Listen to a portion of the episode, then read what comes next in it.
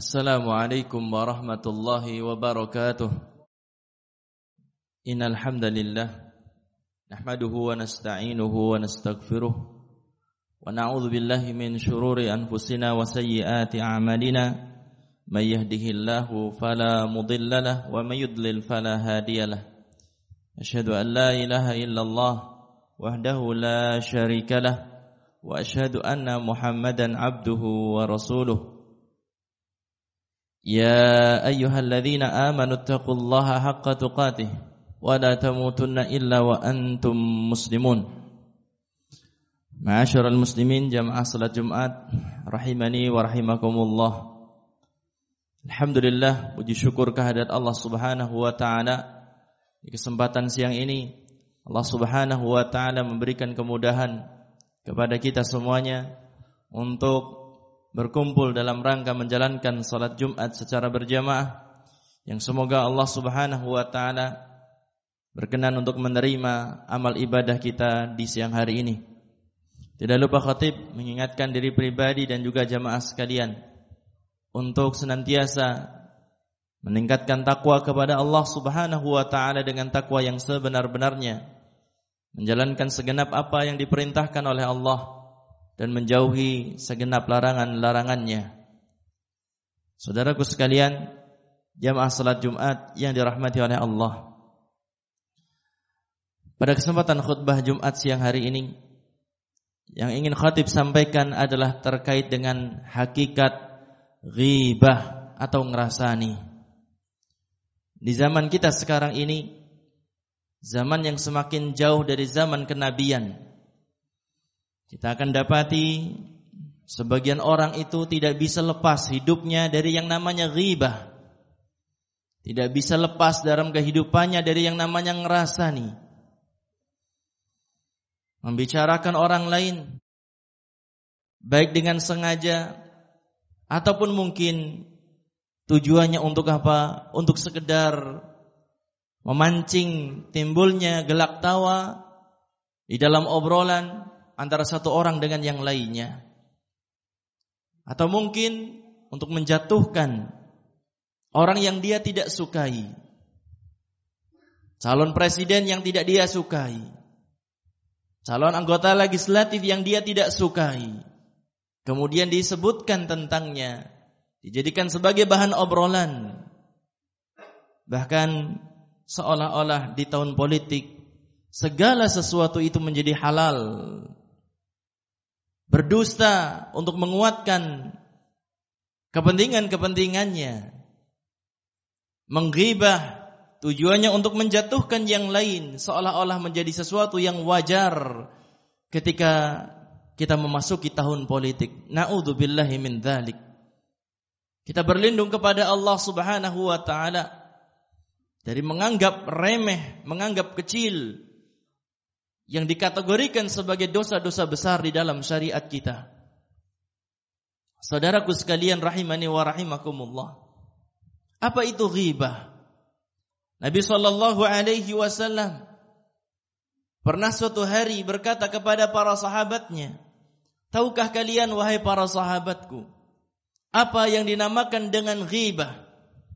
Nabi bertanya, karena memang uslub atau metode beliau ketika mendidik para sahabat sangat indah, sangat luas, sangat baik sekali. Beliau bertanya kepada para sahabat, "Tahukah kalian apa yang dinamakan dengan ghibah itu?" Maka para sahabat dengan penuh adab, dengan penuh kesantunan, mereka mengatakan, "Allahu wa rasuluhu a'lam." Allah dan Rasulnya yang lebih mengetahui apa itu ghibah wahai Rasulullah. Kemudian Rasulullah Sallallahu Alaihi Wasallam setelah itu barulah memaparkan tentang hakikat daripada ghibah, tentang hakikat yang sebenarnya dari ngerasani itu apa. Beliau Sallallahu Alaihi Wasallam mengatakan, "Zikruka akhaka bima yakrah." Yang dinamakan dengan ghibah itu adalah engkau menyebutkan tentang saudaramu sesuatu yang dia tidak suka kalau hal itu disebut-sebut. menyebutkan tentang saudaramu sesuatu yang dia tidak suka kalau hal itu disebut-sebut. Kemudian sahabat atau salah satu sahabat bertanya kepada Rasulullah sallallahu alaihi wasallam, "Wahai Rasulullah, bagaimana jika seandainya yang kita sebutkan ini benar-benar ada pada orang itu wahai Rasulullah?" Yang kita sebutkan ini berita benar ada pada orang itu. Kemudian Nabi sallallahu alaihi wasallam mengatakan, "In kana fihi ma taqul faqad wa in lam yakun fihi ma taqul faqad bahattahu," kata Nabi sallallahu alaihi wasallam. Kalau seandainya benar apa yang kamu bicarakan, apa yang kamu sebutkan itu ada pada saudaramu, sungguh kamu telah menghibahnya Sungguh kamu telah melakukan ghibah kepadanya. Ngerasani ya itu. Menyebutkan sesuatu yang benar-benar ada pada saudara. Itu dinamakan dengan ghibah. Itu yang dinamakan dengan ngerasani. Sebagian orang mengatakan. Bukan nyata iki. Ini barang nyata, barang benar ada pada orang itu. Gak apa-apa disebutkan. Subhanallah, inilah yang dinamakan dengan ghibah. Inilah yang dinamakan dengan ngerasani. Nyebutkan sesuatu yang ada pada saudara kita. Dibicarakan. Jadi bahan obrolan. Kalau seandainya yang dibicarakan itu tidak ada pada orang tersebut. Faqad bahattahu kata Nabi. Engkau telah berdusta. Kalau seandainya yang dibicarakan, yang diomongkan adalah dibuat-buat. Sejatinya nggak ada pada orang itu, maka itu merupakan kedustaan. Maka jamaah sekalian rahimani wa rahimakumullah. Perlunya kita memahami tentang makna ghibah. Dan jangan pernah meremehkan dosa ghibah. Saudaraku, jamaah salat Jumat yang dirahmati oleh Allah. Allah subhanahu wa ta'ala di dalam Al-Quran melarang ghibah dan para ulama ketika membahas tentang larangan Allah Subhanahu wa taala tentang ghibah, maka para ulama mengkategorikan ghibah atau ngerasani termasuk dosa besar. Minal kabair termasuk dosa besar. Tidak remeh. Sehingga ketika Allah Subhanahu wa taala menyebutkan tentang larangan ghibah, lihat bagaimana Allah Subhanahu wa taala mensejajarkan orang yang menghibah itu seperti orang yang memakan bangkai seorang muslim sendiri, saudaranya sendiri. Allah Subhanahu wa taala berfirman, "Wala yaghtab ba'dukum ba'dha, ayuhibbu ahadukum ayyakula lahma akhihi maitan fakarihtumuh?" Janganlah seorang menghibah yang lainnya. Jangan seorang menghibah yang lainnya. Ini larangan dari Allah. Dan para ulama mengatakan bahwasanya ghibah sekali lagi adalah dosa besar. Ayuhibbu ahadukum ayyakula lahma akhihi maitan fakarihtumu? Apakah seorang di antara kalian senang untuk memakan daging saudaranya yang telah mati? Tentunya jijik. Tentunya begitu menjijikkan. Bayangkan saja jamaah.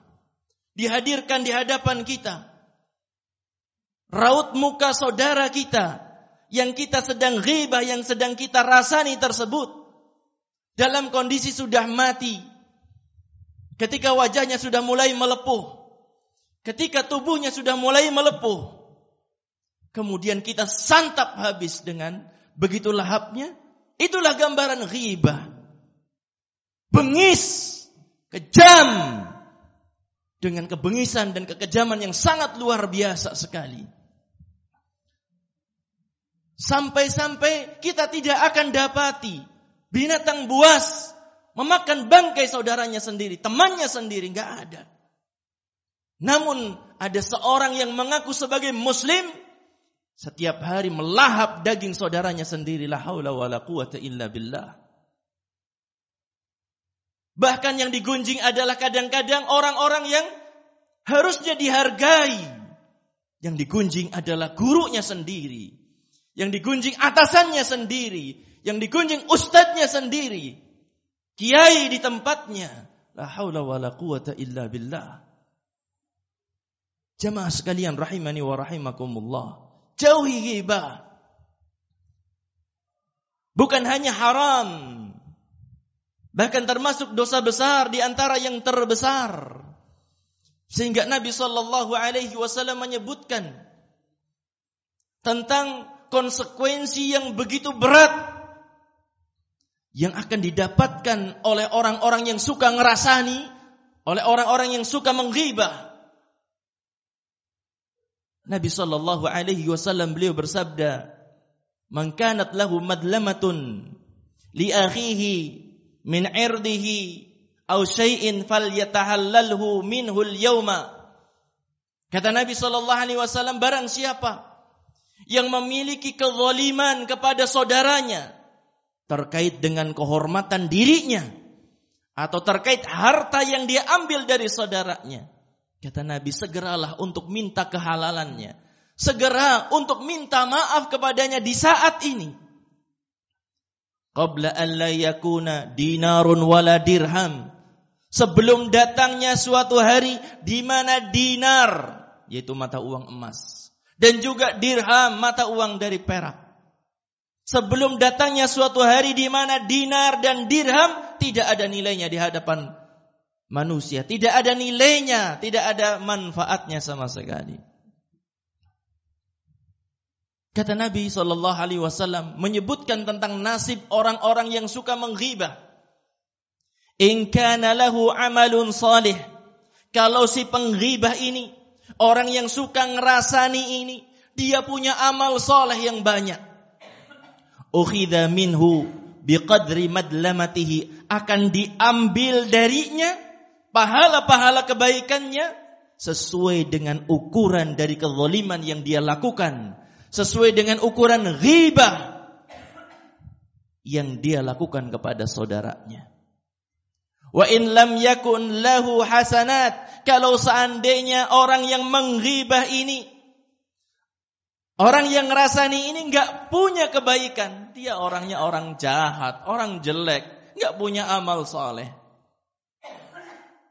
Apa yang akan terjadi? ukhidha min sayyiati sahibihi fahumila alaihi. Akan diambilkan dosa-dosa orang-orang yang dizalimi diambilkan dosa-dosanya. Fahumila alaihi. Kemudian dibebankan kepada orang yang menghibah tadi. Jamaah sekalian yang dirahmati oleh Allah Hadis ini menunjukkan kepada kita betapa mengerikan, betapa dahsyatnya akibat daripada ghibah. Kita bayangkan bagaimana lelah letihnya seorang beramal. Lelah letihnya seorang beribadah di dunia. Namun di akhirat yang memetik adalah orang lain. Yang mendapatkan keuntungan dari jerih payah dia, dari puasa dia, dari sholat dia, zakat dia, dan ibadah-ibadah dia yang lainnya. Ternyata orang lain, yaitu orang yang terzolimi. Betapa ruginya seorang. Di dunia dia tidak mengerjakan dosa. Yang mengerjakan orang lain. Yang berzina orang lain. Yang minum khamar orang lain. Yang melakukan korupsi orang lain. Tetapi dia orang tersebut tidak melakukannya karena dia menghibah orang tersebut. Dia akan mendapatkan dosa dari orang tersebut. Dibebankan dosa-dosa orang lain kepadanya karena dia menghibah. Saudaraku sekalian rahimani wa rahimakumullah. Tentunya ini sangat mengerikan. Nasib atau akhir perjalanan dari seorang penghibah atau orang yang suka ngerasani. Dan hukumannya juga sangat mengerikan. Nanti para penghibah di hari kiamat Sebagaimana pernah dinampakkan kepada Nabi sallallahu alaihi wasallam beliau bercerita, ketika aku sedang dinaikkan ke langit pada peristiwa Isra dan Mi'raj. Isra diperjalankan Nabi dari Makkah menuju Baitul Maqdis, Mi'raj dari, dari Baitul Maqdis dinaikkan ke langit. Ketika aku sedang dinaikkan ke langit, Kemudian Nabi Shallallahu Alaihi Wasallam mengatakan, aku melewati satu kaum, lahum adfarum min nuhas. Mereka orang-orang ini memiliki kuku-kuku yang terbuat dari tembaga. Subhanallah. Para penghibah. Mereka nanti pada hari kiamat dibangkitkan oleh Allah kukunya bukan kuku manusia biasa. Kukunya adalah terbuat dari tembaga yahmishuna wujuhahum wa sudurahum. Mereka itu mencakar-cakar mencabik-cabik wajah mereka sendiri. Dan juga mencakar-cakar dada-dada mereka sendiri. Ketika melihat pemandangan yang begitu mengerikan ini Nabi sallallahu alaihi wasallam bertanya kepada malaikat Jibril man haula'i ya Jibril? Siapa mereka ini wahai Jibril? Orang-orang yang dibangkitkan dalam kondisi kukunya tumbuh panjang-panjang terbuat dari tembaga. Siapa mereka? Malaikat Jibril menjawab, "Haula'i alladzina ya'kuluna luhuman nas wa yaqa'una fi a'radihim." Mereka itu adalah orang-orang yang suka memakan daging-daging manusia. Yang dimaksudkan bukan nyangkep orang disembelih kemudian dimakan, bukan. Yang dimaksudkan adalah suka menggibah manusia, suka ngerasani manusia. Wa yaqa'una fi a'radihim dan suka menginjak-injak kehormatan muslim yang lainnya. Inilah hukuman dari Allah yang setimpal untuk mereka. Tidak ada Allah menzalimi seorang pun. Tetapi karena manusia yang begitu zalim kepada saudara-saudaranya yang lain. Saudaraku sekalian rahimani wa rahimakumullah. Semoga Allah Ta'ala memberikan taufik hidayah kepada kita semuanya untuk menjauhi dosa besar ini. Barakallahu li wa lakum fil Qur'anil azim wa nafa'ani wa iyyakum bima fihi minal ayati wa dzikril hakim. Aku ma tasma'un astaghfirullah li wa lakum wa li sairil muslimina wal muslimat fastaghfiruh innahu huwal ghafurur rahim. Alhamdulillah wa kafa wa salatu wa salamu ala ibadihi alladhina istafa nabiyyina Muhammadin wa ala alihi wa sahbihi wa man sara ala nahji ila yaumil. Jamaah Jumat rahimani wa. Setelah kita mendengar bersama penjelasan tentang hakikat ghibah atau hakikat daripada ngerasani. Marilah kita berusaha karena untuk terbebas dari neraka bukan perkara yang ringan untuk terbebas dari siksa Allah Subhanahu wa taala bukan perkara yang ringan. Maka marilah tunjukkan keseriusan kita, kesungguhan kita agar kita meninggalkan dosa ghibah ini. Meninggalkan dosa ngerasani ini. Karena lisan kita memang sangat kecil, tetapi untuk mengekang lisan ini sangatlah berat. Untuk tidak mukul mungkin kita bisa. Untuk tidak nendang mungkin kita bisa untuk tidak melakukan dosa yang lain dengan anggota badan kita yang lain, mungkin kita bisa. Tetapi lisan ini, na'udzubillah, kita berlindung kepada Allah Subhanahu wa taala dari lisan yang tidak bisa dikontrol. Saudaraku sekalian rahimani wa rahimakumullah, sampai sebagian ulama mengatakan kalau seandainya mau melihat kepada diri seorang yang paling pantas untuk dipenjara adalah lisan. Karena betapa banyak lisan ini membawa celaka kepada pemiliknya. Orang dijerembabkan ke dalam neraka, dimasukkan ke neraka karena apa? Karena lisannya. Orang dengan lisannya melakukan dosa syirik. Orang dengan lisannya melakukan adu domba. Orang dengan lisannya berbicara kotor. Saudaraku sekalian rahimani wa rahimakumullah, waspada dari anggota tubuh kita yang nantinya kita akan dimintai tanggung jawab di hadapan Allah Subhanahu wa taala. Semoga Allah taala berkenan dengan cinta dan kasih sayangnya melimpahkan taufik hidayah kepada kita semuanya menjalankan apa-apa yang diperintahkan olehnya dan kita sanggup untuk menjauhi apa-apa yang dilarang olehnya. Semoga Allah Subhanahu wa taala mengabulkan doa-doa kita semuanya. Amin ya rabbal alamin. Wa malaikatahu yusalluna ala nabi. Ya ayyuhalladzina amanu sallu alaihi wa sallimu taslima. Allahumma salli ala Muhammad wa ala ali Muhammad كما صليت على إبراهيم وعلى آل إبراهيم وبارك على محمد وعلى آل محمد كما باركت على إبراهيم وعلى آل إبراهيم.